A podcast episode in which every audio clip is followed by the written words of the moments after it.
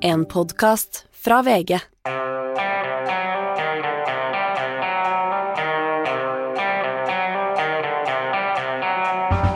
Ikke visste jeg at alle disse dagene som kom og gikk, de var selve uke 19. Eh, Men her eh, er vi altså. Eh, Vi skal snakke om, om å oppsummere uka nå på åpen plattform. Eh, Flere saker.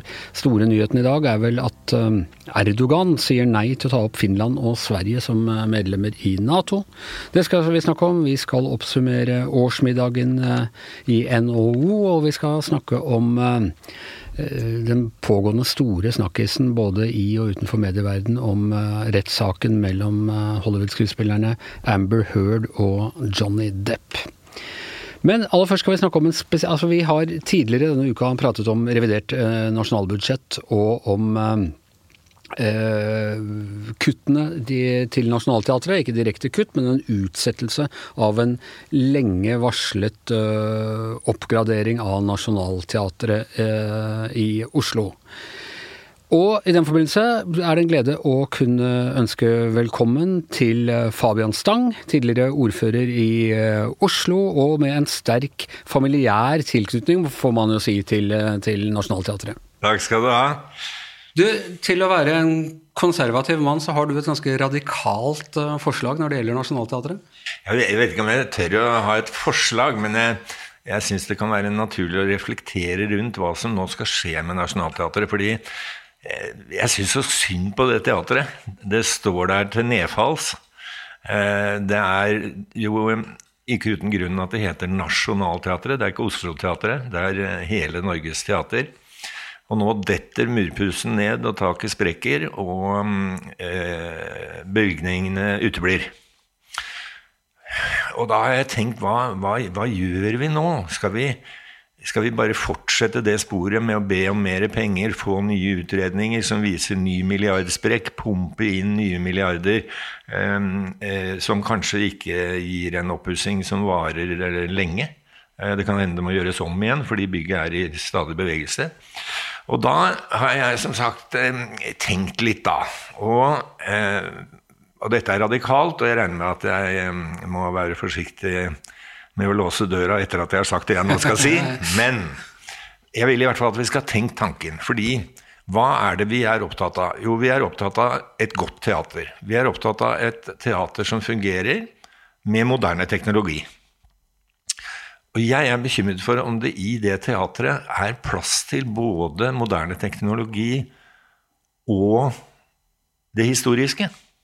For allerede i dag så er det sånn at det er så mye lyskastere i taket at, eh, deler av, av maleriet er dekket over. Eh, det står til og med eh, lyskastere inne i det vi kalte fremmedlosjen, altså der hvor diplomatene satt og sånt nå. Eh, og, og til og med har jeg sett eh, tekniske installasjoner i kongelosjen for å kunne drive teater. Og det er ikke, Ikke sånn at kongen må operere det, HB? men Nei, jeg tror, jeg tror ikke kongen behøver Jeg vet ikke om de er så glad i å sitte der oppe, for du ser veldig dårlig derfra. Men, eh, men, men, men det viser meg at hvis vi skal ta vare på det antikvariske, så er jeg ikke sikker på om vi klarer å bygge et godt teater. Vi klarer ikke å grave ned under scenen sånn som vi burde ha gjort, for å få eh, mer teknisk utstyr, få biscene, få publikumsareal og sånn.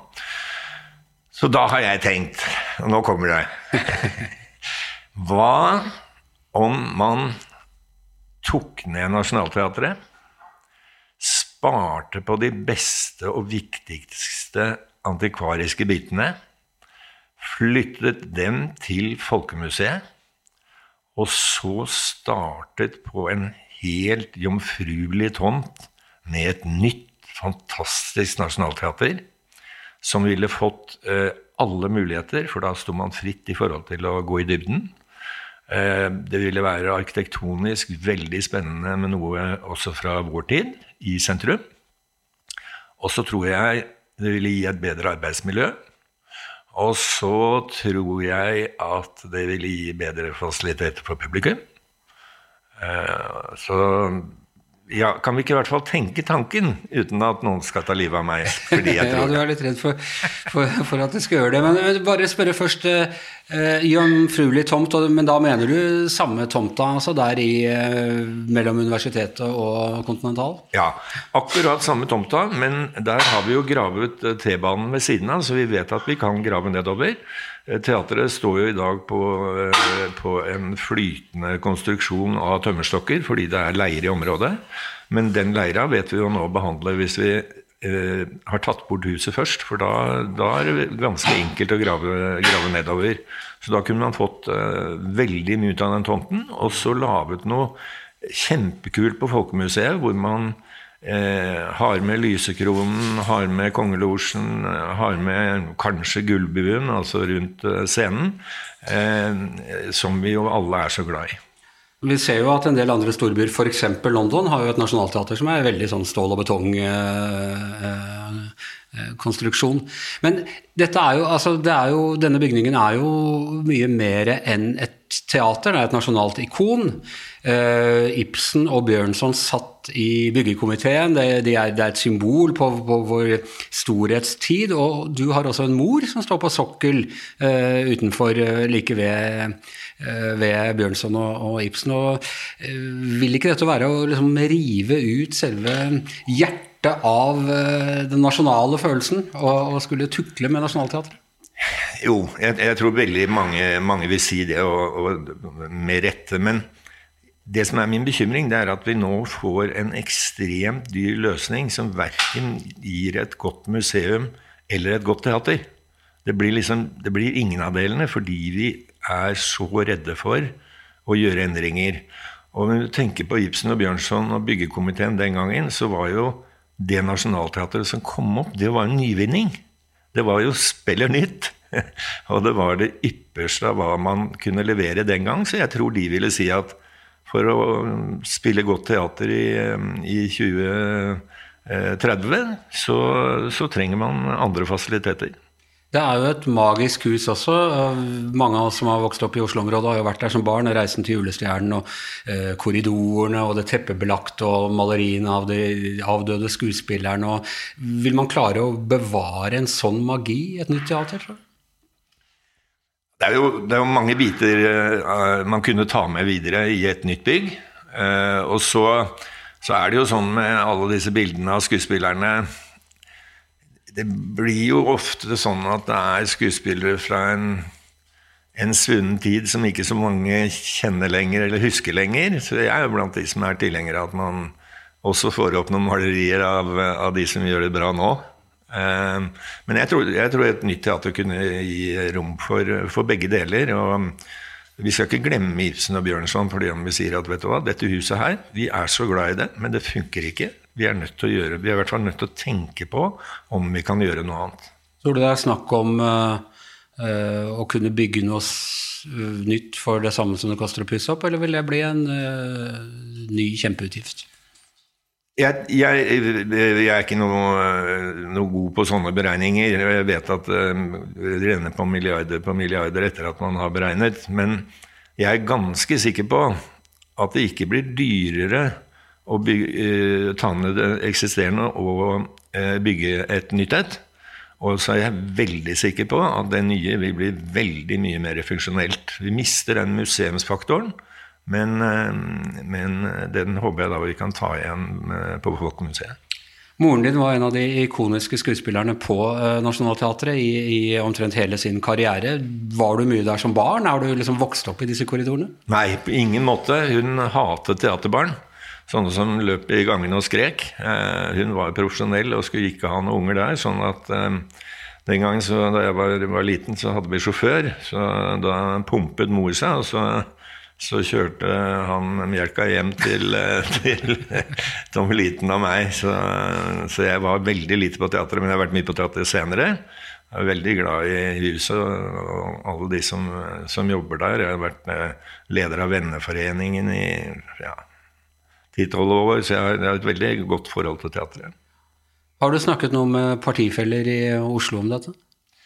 Nei, det har jeg ikke belemret dem med, fordi at uh, dette er så kontroversielt at dette får jeg stå for alene og se om det blir en debatt. Jeg skal ikke tvinge noen til å være enig med meg, men jeg, jeg mener oppriktig at uh, det kan være klokt å ha tenkt gjennom dette, i hvert fall så vi ikke står der med en kjemperegning og et litt dårlig fungerende både museum og teater.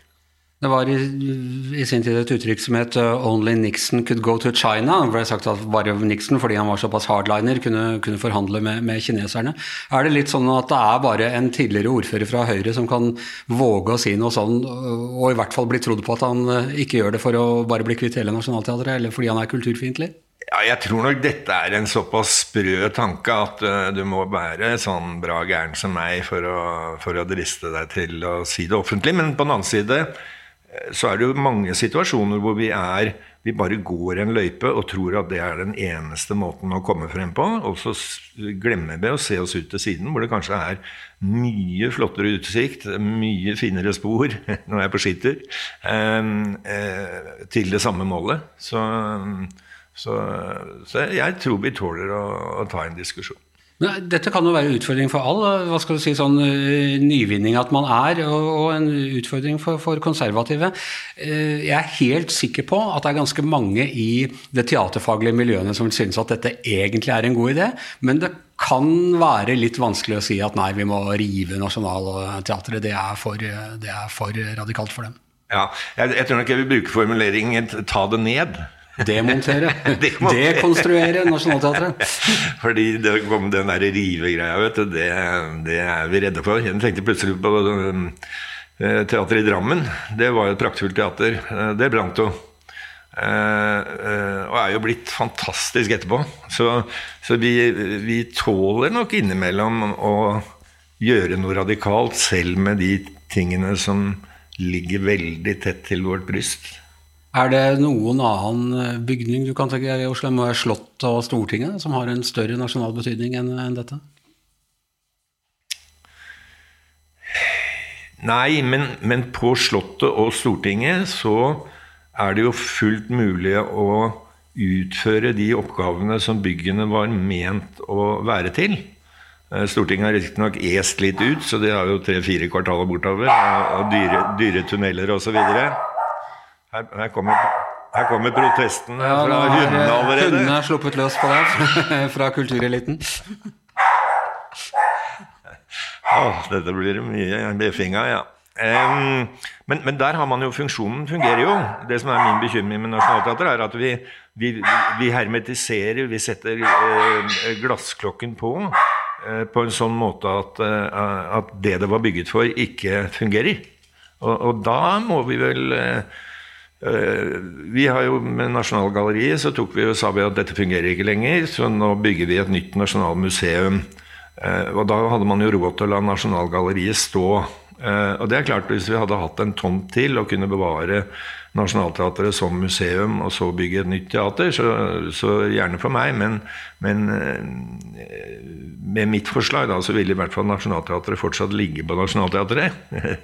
Eh, det er ganske morsomt når folk eh, kjører drosje og sier de skal til Nationaltheatret, så blir de alltid kjørt til stasjonen, ikke til teatret. Ja. Hvilken inngang den oppe ja. ja. Så da, da ville virkelig kanskje Nationaltheatret igjen bli et hus som som, som levet utover forestillingenes eh, tidsbegrensning. Og hvor eh, ja, jeg ser for meg mye som kunne, kunne skje der.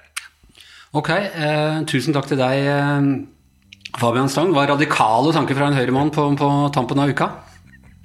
Uff a meg. Ja, men eh, når man er dum og både tenker og, og sier det, så får man stå for det. Debatt vil det i hvert fall helt sikkert bli. Ja, og jeg sitter her eh, da på en fredag morgen med to litt eh, grann trøtte kollegaer, eh, Astrid Mæland og, og Hanne Skartvedt. Dere var på fest i går? Vi var på fest i går. Ja, På NHOs årsmiddag? Ja, som skulle vært i januar, men som da ble utsatt pga. koronaen. Så nå kunne man gå litt lettere kledd. Vi skal snakke litt mer Ikke om Ikke veldig lettkledd, da. Nå ser jeg trynet mitt bare. Dere gikk i bikini, liksom? Det kommer rart ut, det kjente jeg.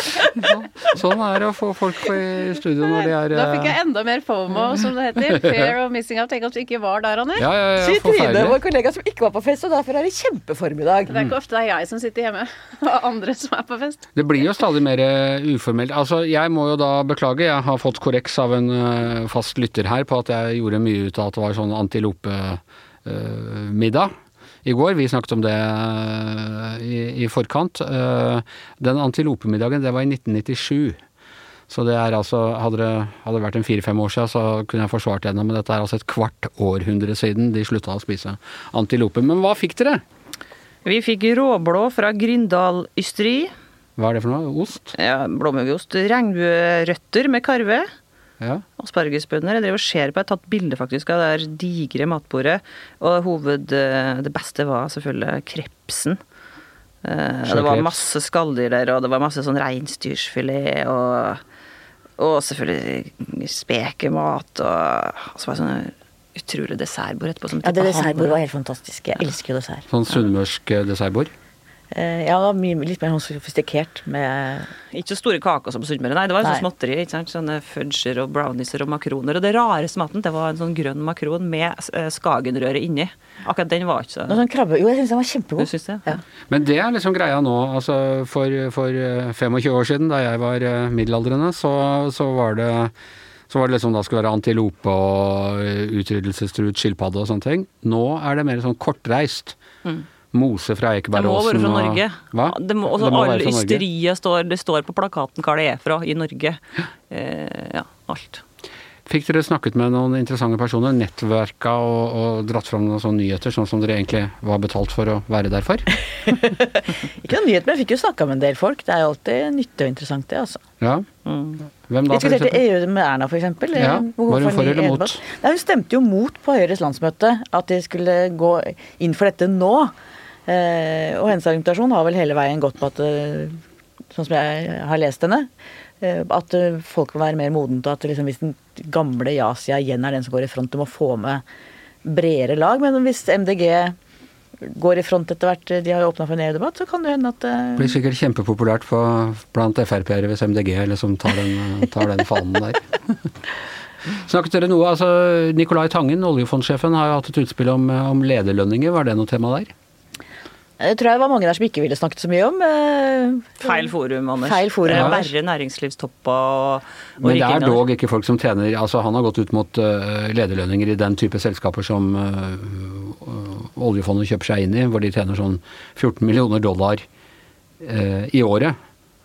Ja, men det er ikke lederlønninger som de er mest bekymra for eh, i NHO. Det er jo Nei, de er mer redd for at de ikke har konkurransedyktige nok øh, lederlønninger, kanskje? De vil eh, forandre mye, de endring som det heter. Og jeg tenker forandre, er, hvis du deler opp det i to ord, så er det for andre. Ok, ok, så det ligger en skjult, en skjult hensikt her. Snakket du med noen interessante, Astrid? Jeg gjorde jo det, da. Men eh, jeg satt og lurte på liksom hva som var snakkisen på NHOs årsmiddag i går. Det var jo f- jeg tror 400-500 stykker på middagen. Det er digert, altså. Ja. Så får du sånn eh, bord da, der du blir plassert med folk ikke du kjenner. Ja. Ti stykker på hvert bord. Sånn at dere skal bli kjent? Ja. Og etterpå så er det mingling, og det er fri bar hele kvelden. Ja. Uh, Men det, jeg tror snakkisen som jeg tenker på, er liksom regjeringa. Og de glimra jo med sitt fravær. Jeg tror ikke det var noen andre enn Nå kan jeg ta feil, men AUF-lederen var jo der, Astrid Hoem. Ellers så var ikke Finansministeren er jo mot at eliten skal møtes, han vil jo egentlig forby det, så han kan jo ikke gå dit. Det tenkte jeg å handle litt på, faktisk. Eh, Det er ikke sikkert at Trygve Slagsvold Vedum kan være i sånn elitefest, så han var ikke der. Jonas var ikke der, han hadde gyldig fravær for han skulle til London. Men uh, jeg så heller ingen andre ministre. Og de bruker å være der om det er NHO, og selv om de er i Arbeiderpartiet, eller i eh, Så bruker de absolutt ikke våre være. Men eh, det var Erna som glimra med sitt eh, nærvær, og Siv Jensen og høyresida, vil jeg absolutt si. Er dette bevisst, tror du, Hanne? At de, Ja, det er et godt spørsmål, for det er, jeg har aldri opplevd at det har vært omtrent ingen, nesten, statsråder på en sånn middag. Vi så veldig, veldig få. Men jeg hadde lyst til å si min aller hyggeligste samtale i går var jo med Jeg satt ved siden av Senterungdommens eh, internasjonale leder. Jeg visste jo ikke at Senterungdommen hadde en internasjonal leder engang. Nei, Eh, det var ikke jeg klar over. En ung fyr fra Drammen, og det var faktisk Vi diskuterte EU og politikk, og det var veldig, veldig Og Nato. ålreit. Ja, nei, de er jo, de er jo veldig trygge i Nato-spørsmålet. ja, det har de alltid vært. Men alltid var han på glid i EU-spørsmålet? det tror jeg, nei, nei, det tror jeg er altfor langt. Men det jeg hadde en ganske sånn Hanne Skartvedt går inn og radikaliserer senterungdommen på NHOs årsmiddag. Er Der føler jeg vi har en sak. Men altså det, det at regjeringa ikke var der, da, det førte til at vi kunne baksnakke regjeringa masse. Det var Ja. snakkisen, hovedsnakkisen, tror jeg, i går var Det var mange som godta seg, tenker jeg, over Senterpartiets eh, dårlige oppslutning på meningsmålingene. Ja, altså det, var, det er jo en litt sånn høyreprega forsamling, så det var mange som snakka om hvor dårlig det går i regjeringa, rett og slett. Og hvor dårlig kommunikasjon er mellom forskjellige parter, og mellom de to partiene, og hvor dårlig oppslutninga er, og hvor dårlige saker de har. Altså det går dårlig. Og jeg er jo ikke helt uenig i at eh, det er litt vanskelig for regjeringa for tida. Nei, men er det noe lettere for næringslivet egentlig? Med den regjeringen, mener du? Ja, eller Eller med, med krig og med strømpriser og Ja, det var jo sånn så susa. De er jo så sinnssykt med inntekter. Altså, de Ja, ja. satt, mens vi satt der, så varte jo lommebøkene deres dobbelt så tjukke. Det var Yara, det var liksom aluminium, det er olje, gass. Fullt og gassfolk, fullt og sånn. Men nå har de der Men gass... det gir ikke regjeringen æren for dette, da? skjønner. Nei, nei, nei. Og, og nå, det er jo selvfølgelig morsomt, for alt handler jo om klima, selvfølgelig. Så alle oljelobbyistene går rundt og er havvindlobbyister nå for tida. Ja, det går i fornybar, havvind, havvind, fornybar hele veien, og du får uh... Men egentlig så jobba de for, for, for, for olje og gass, da, primært. Ok, eh, var det Lorry etterpå? Nei. Nei? Eh, Det var legenden Bjørn Haugan, som er altså da journalist i VG, som alltid har ansvaret for nachspielet. Eh, og vi var litt sånn litt sliten for Soffen gjeng som eh, med høyhæla sko og galla som for å våse rundt i Oslo, for det er i Oslo Spektrum nedi der. Og så skulle vi først på Kafé Fiasko, men så viste det seg å være stengt, så da for hele denne gjengen til en annen litt eh, brun pub som heter Queens, og der har vi altså da Å ja, ja, ja. Den, den gamle bindingsverkshuset der? Ja, der stappa vi inn resten av Men altså, jeg må si at formen da begynte å bli dalende for min del. Ja, ikke verken Kafé Fiasko eller Queens vil jeg si er typiske elitesteder, så det kunne vært Vedum vært med på nærhet, eh, Anders. Nærhet. jeg må bare si at jeg er så voksen blitt og ansvarlig at jeg skilte lag med den nachspielgjengen og gikk hjem da de gikk på nachspiel. Okay. Jeg la merke til at Hanne snakka med den nye stjerna i regjeringa, eh, justisminister Mehl. Og det var jo en snakkis. Eh, Hun tror jeg har økt i popularitet og anseelse at den der reality-deltakelsen hennes i Kompani Lauritzen, som vi drev liksom og gjorde litt narr av før den kom på TV, den har bare gjort ting bedre. Så hun var der. Hun var der. Ok, eneste fra regjeringen. I en sånn nydelig vintage-kjole. Ja, Ja. Terningkast? Nei, det, jeg kaster aldri terningkast på kjoler, Anders. Det var en liten er jo internvits fordi Hanne har rykket ut mot at vi drev og kasta terningkast på, på kjoler her i VG for mange år siden. Jeg skrev faktisk en kommentar hvor jeg kritiserte kjolepolitiet, våre egne terningkastere, og havna, Da i, og havna, i, Dagsnytt, i, i kjolepolitiavdelingen. og havna i Dagsnytt 18 med hun som hadde anmeldt kjolene for oss. Ja. Det var eh, mange år siden. Det var ganske Hvem sier at vi ikke er selvkritiske? Ok, dere, vi må runde av NHOs eh, årsmøte. Det er ikke noe flere, eh, flere ting som sier. Astrid, du skal, du skal hjem til der hvor verdiene skapes, du? Ja, ja, nå skal jeg det. Så nå er jeg bare eh, Det kan bli en litt uh, trøtt eh, tur nordover kanskje på flyet, men uh, det tar på å være på fest til klokka halv to på kvelden. Det gjør det. det gjør det. Tusen takk skal du ha, Astrid. Men Hanne, noe annet vi må snakke om. Altså, I går satt vi her i podkasten og pratet om Nato-utvidelse. altså at både Sverige og Finland ser ut som de er på full fart inn. Vi snakket om at liksom det nærmest bare er pro forma. Eh, det trengs ikke noen stor vettingprosess for å sjekke at de er demokratiske nok og, osv. så videre. Så, øh, og vi sa at dette ville vi ikke trodd for kort tid siden. Men det vi ikke ville trodd i går, det har skjedd i dag. Og det er at Erdogan i Tyrkia sier nei til de nye medlemmene. Og hvis jeg husker Nato-ABC-en min riktig, så kan ett medlemsland legge ned veto mot nye medlemmer. Ja, det kan det. Det må godkjennes av alle 30 medlemslandene. Eh, Så dersom eh, Erdogan faktisk gjør alvor av å ikke ville ta opp eh, Sverige og Finland, så blir det ikke tatt opp. Er dette en måte Erdogan nok en gang liksom skal ydmyke vestmaktene og, og vise at han må eh, spesialbehandles litt for å, for å være med, eller er- har han rene sikkerhetspolitiske grunner til dette? Er han for nære Putin, liksom? Det er et veldig godt spørsmål. Vi vet jo verken nå hva motivasjonen hans er, eller hvor alvorlig han faktisk mener. Han har jo sagt at han vil ikke gjenta samme tabben som han gjorde med å godta Hellas som Nato-medlem, for han mener at Hellas bare har laget trøbbel for, for Tyrkia. Vi vet jo at Erdogan har hatt et eh, nærere forhold til Putin enn det andre Nato-land har hatt. Og vi vet at uh, Tyrkia har jo kjøpt russiske raketter i sin tid, til store protester og stor frustrasjon. Ja, i sin tid. Andre... Det er bare noen få år siden, egentlig. Ja, ja, ja. Stor frustrasjon blant de andre Nato-landene. Uh, han er en sånn litt sånn selvgående fyr som gjør sine ting. Og så er det jo snart valg i Tyrkia. Dette kan også være innenrikspolitisk betont, at man liksom vil bygge opp et fiendebilde der ute.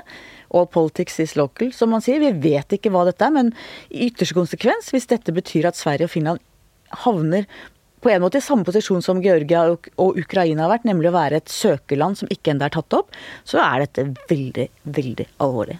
Og En ting er at eh, du og jeg eh, ikke hadde tenkt på den tanken i går. Jeg ser da til min trøst at uh, vår statsminister Støre, en av de store utenrikspolitiske ekspertene og tidligere utenriksminister, det kommer fullstendig overraskende på han nå. Det virker rett og slett som denne muligheten har ikke Nato tenkt over. Nei, og vi har jo fått inntrykk av at dette er klarert under hånden med alle medlemslandene. Jens Stoltenberg har sagt at dette kommer til å, å gå fint, de er veldig velkomne. Eh, finske diplomater, og antagelig svenske, men særlig finne, har vært veldig aktive i å bearbeide, reist til alle hovedstedene, bearbeidet eh, Har de, de glemt å reise til Ankara, eller hva er problemet her? Som sagt, Vi vet jo veldig lite, men jeg vil jo tro at dette er Erdogan som kommer med dette nå, av grunner vi ikke ikke kjenner. For vi må jo ta for gitt at også han har blitt konsultert underveis når det gjelder eh, finsk og svensk medlemskap. Det, altså Opprinnelig så skulle nå dette nærmest bare mm, bankes gjennom nasjonalt i, i, eh, i løpet av helgen. og kan det hende at dette blir en mye lengre vei, da, i hvert fall. Eh, I beste fall enn det man trodde i verste fall. Kan det bety at de ikke får bli med? Verste fall for oss som syns at det hadde vært fint.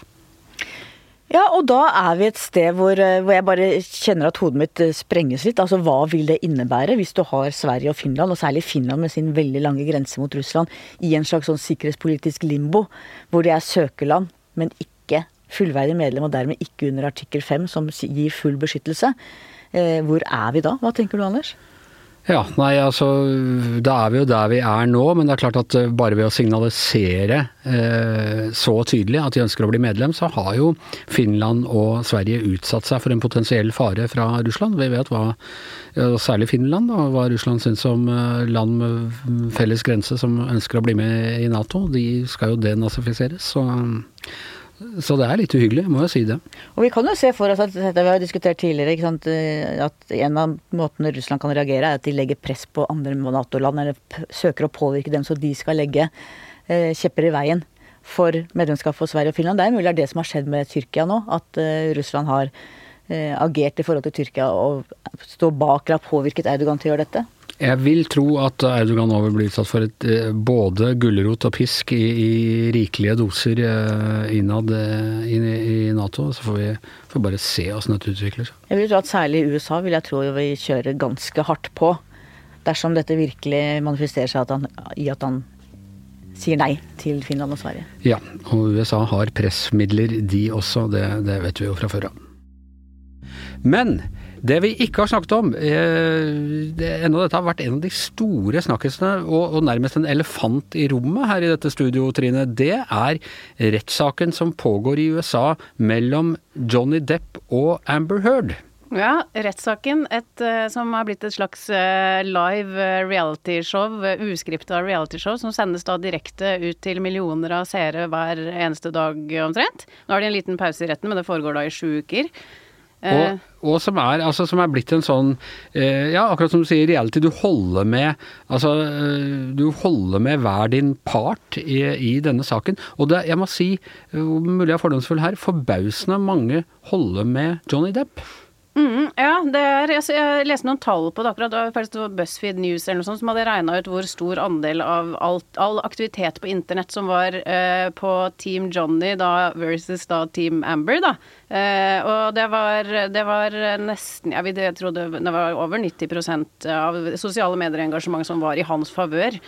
Eh, så det er veldig eh, Det er veldig spesielt å følge med på det der, og det engasjementet er helt eh, sykt. Rettssaken handler jo da om at Depp har saksøkt Amber for ærekrenkelse.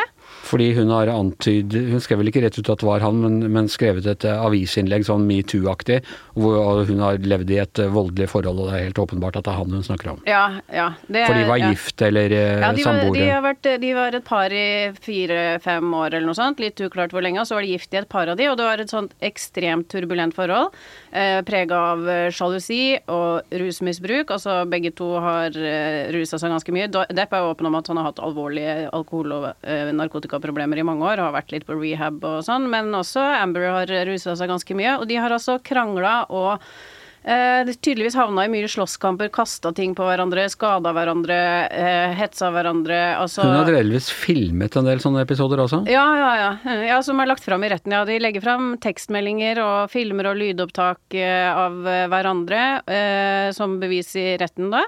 Eh, nei, det er veldig sørgelig å se på hele, hele greiene, eh, syns jeg. Og man kan jo sitte der i timevis og se på hennes forklaringer og hans eh, forklaringer av det her voldelige eh, Begge to innrømmer jo at forholdet har vært voldelig, men de er uenige om hvem sin skyld det er.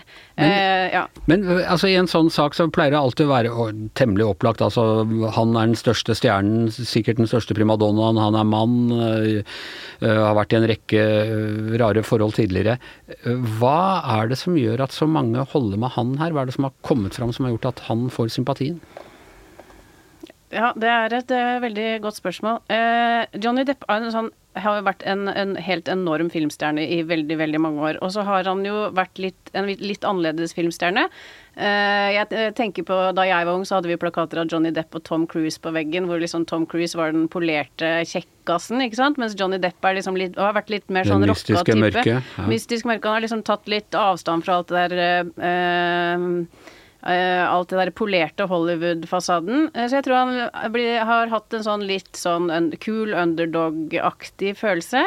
Og så kom liksom Amber, 22 år yngre skuespiller, med en mye liksom dårligere karriere enn han, for så vidt. Um, og så er er det mange som har hengt seg på det her at liksom, nå får vi endelig se et, et mannlig offer, da, at menn også kan være offer for partnervold. Og det er, det er, er det litt sånn metoo-kontra, liksom? At eh, nå er det den hvite privilegerte mannens tur til å si at her går grensen, vi skal ikke, kan ikke kaste hva som helst på oss. Ja, det, ja jeg, jeg tror det blir litt enkelt i den sammenhengen her, fordi at det, det er jo bevis på at de har, de har vært veldig fæle mot hverandre begge to. Eh, Så det de er uenige om er på en måte hvem sin, hvem sin skyld det er at de har endt opp i eh, slåssing når de har krangla. Så de har, jeg, jeg, de, de, du som starta, nei det var du. ja, ja, men det er eh, faktisk eh, litt sånn og det, de, Det har blitt lagt fram bevis hvor eh, Amber eh, innrømmer at hun har slått han, eh, mens eh, Johnny Depp da holder fast ved at han har aldri slått en kvinne. Eh, Og begge hans ekskoner, da Vanessa Paradise og Vinona Ryder, har jo eh, eh, stått frem og eh, sagt, forsvart Johnny Depp og sagt han har, de, kjenner ikke igjen denne Johnny Depp som Amber forteller om. Da. Han, han har aldri vært aggressiv eller voldelig i forholdene med de to. Eh, og så har de altså vitner, så vidt meg bekjent, så har de fortsatt ikke klart å liksom ha noen vitner som på en måte har sett at Johnny Depp har vært voldelig mot Amber. Altså, de har krangla, ja, det har de sett, og de har kommet hjem, politiet har kommet hjem på døra der og kommet til raserte hus hvor de liksom har kasta ting og knust ting og eh, vært sprø, men at de har likevel ikke har klart å liksom Det er ingen som har sagt sånn der, sett at han har vært voldelig mot Amber, da. Men du, Så- det er også et, et visuelt inntrykk jeg har av, av, av denne saken, bare for å se på bildene. Han sitter og ser sånn litt, han er blitt litt eldre, og, men alvorlig og lyttende og sånne ting. Det fremstår som roligere. Ja, og Mm. hun ser ut som hun griner, og ikke bare griner, hun har altså noen sånne grimaser på alle bildene. Ja, ja. Er, dette, er det det at hun sitter og grimaserer hele tida, eller velger eh, vi i mediene ut eh, spesielle bilder av henne? Nei, jeg tror, jo, hun kan nok ikke gjøre grimaser hele tida, for hun sitter jo i sju og en halv time hver dag på live TV og forklarer seg, så her er det, det er jo noen som sitter og velger ut. Men det er veldig mange millioner av mennesker som sitter og følger med hver dag da, og hver minste lille rykning i ansiktet hennes blir tatt ut og laget virale memes av, ikke sant. Eh, Det er så mange hashtags at du aner ikke. Folk lager små snutter på TikTok og Instagram hvor de parodierer et visst ansiktsuttrykk. De mener at Det er blitt et eget filter crying. på TikTok som heter Amber Heard, som er Jeg kan vise deg, jeg har et resultat av meg selv med den type filter. Det er ikke Men hvor jeg altså da ser ut som jeg Ja, ja, ja, ja. Altså Eh. hvor du ser ut som du holder på å grine deg i hjel. Så det er Og de eh, mener at de klarer å bevise at det er fake crying fordi det aldri kommer en tåre. Hun sitter okay. liksom og gråter og gråter øh, altså i mimikken og sånt, men det feller ingen tårer, så de mener at hun er en dårlig skuespiller, men at hun spiller skuespill der inne. Så det er altså en Det er like Men det er like sørgelig som det er spektakulært, syns jeg. Og jeg jeg tror motivene deres Motivet til Johnny Depp er vel å renvaske seg for de her anklagene om at han er en wife-beater. Han tapte jo for øvrig mot The Sun, da. Eh, Han, Ja. hadde- han saksøkte jo de også for ærekrenkelse da de kalte han en wife-beater, men det klarte han ikke koneplager, eller Ja, konebanker. Ja. Eh, Han mener jo at han har fått ødelagt livet sitt og karrieren sin av å ha fått det ryktet ut i verden, og han har mista noen filmroller som følge av det også. Ja, for det er lenge siden han virkelig hadde de store, og han, han fikk ikke den her uh, Kasta ut fra Disney, fra de her Disney Pirates of the Caribbean-greiene. Og det mener han er som en følge av metoo. Og denne JK. Rowling, disse her mystiske mystiske kreaturfilmene og sånn. Ja, så det har han. Men jeg, jeg er litt sånn der jeg Når jeg sitter og ser på det, så stiller jeg meg liksom litt tvilende til om det her er med på å renvaske han. Fordi at nå sitter de jo på en måte og deler hver minste lille stygge detalj fra deres voldelige krangler og samliv. Eh, Sånn at jeg er litt eh, usikker på om det egentlig kommer til å Jeg er veldig spent på hva retten ender opp med, da. Nå skal saken vare i to uker til. Ja. To her går. uker til med dette her, ja. Sju uker med rettssak med hver, eh, hver, hvor hele privatlivet deres blir bretta ut. ja. Ja, det er vakkert. Er, eh, Det er godt vi ikke er Hollywood-stjerner, Hanna. Hanne. Ja, det er veldig godt. Og så er det godt at man da ikke lever i et forhold hvor man så til de grader bringer de verste sider ut hos hverandre. Ja, for det er jo det dette her er altså et, eh, et toxic relationship. Ja, det er eh, mm, toxic og turbulent. Toxic eh, og turbulent, og vi kommer sikkert tilbake til det før eh, hele denne forferdelige rettssaken er over.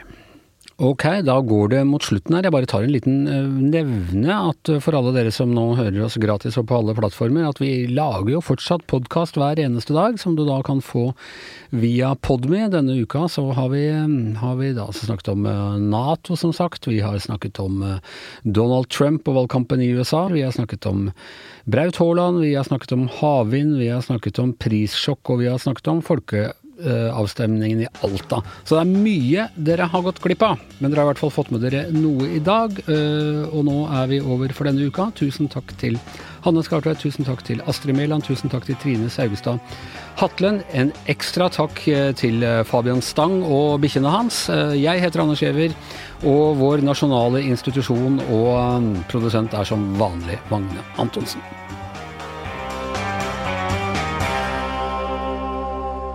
Du har hørt en podkast fra VG. Ansvarlig redaktør, Gard Steiro.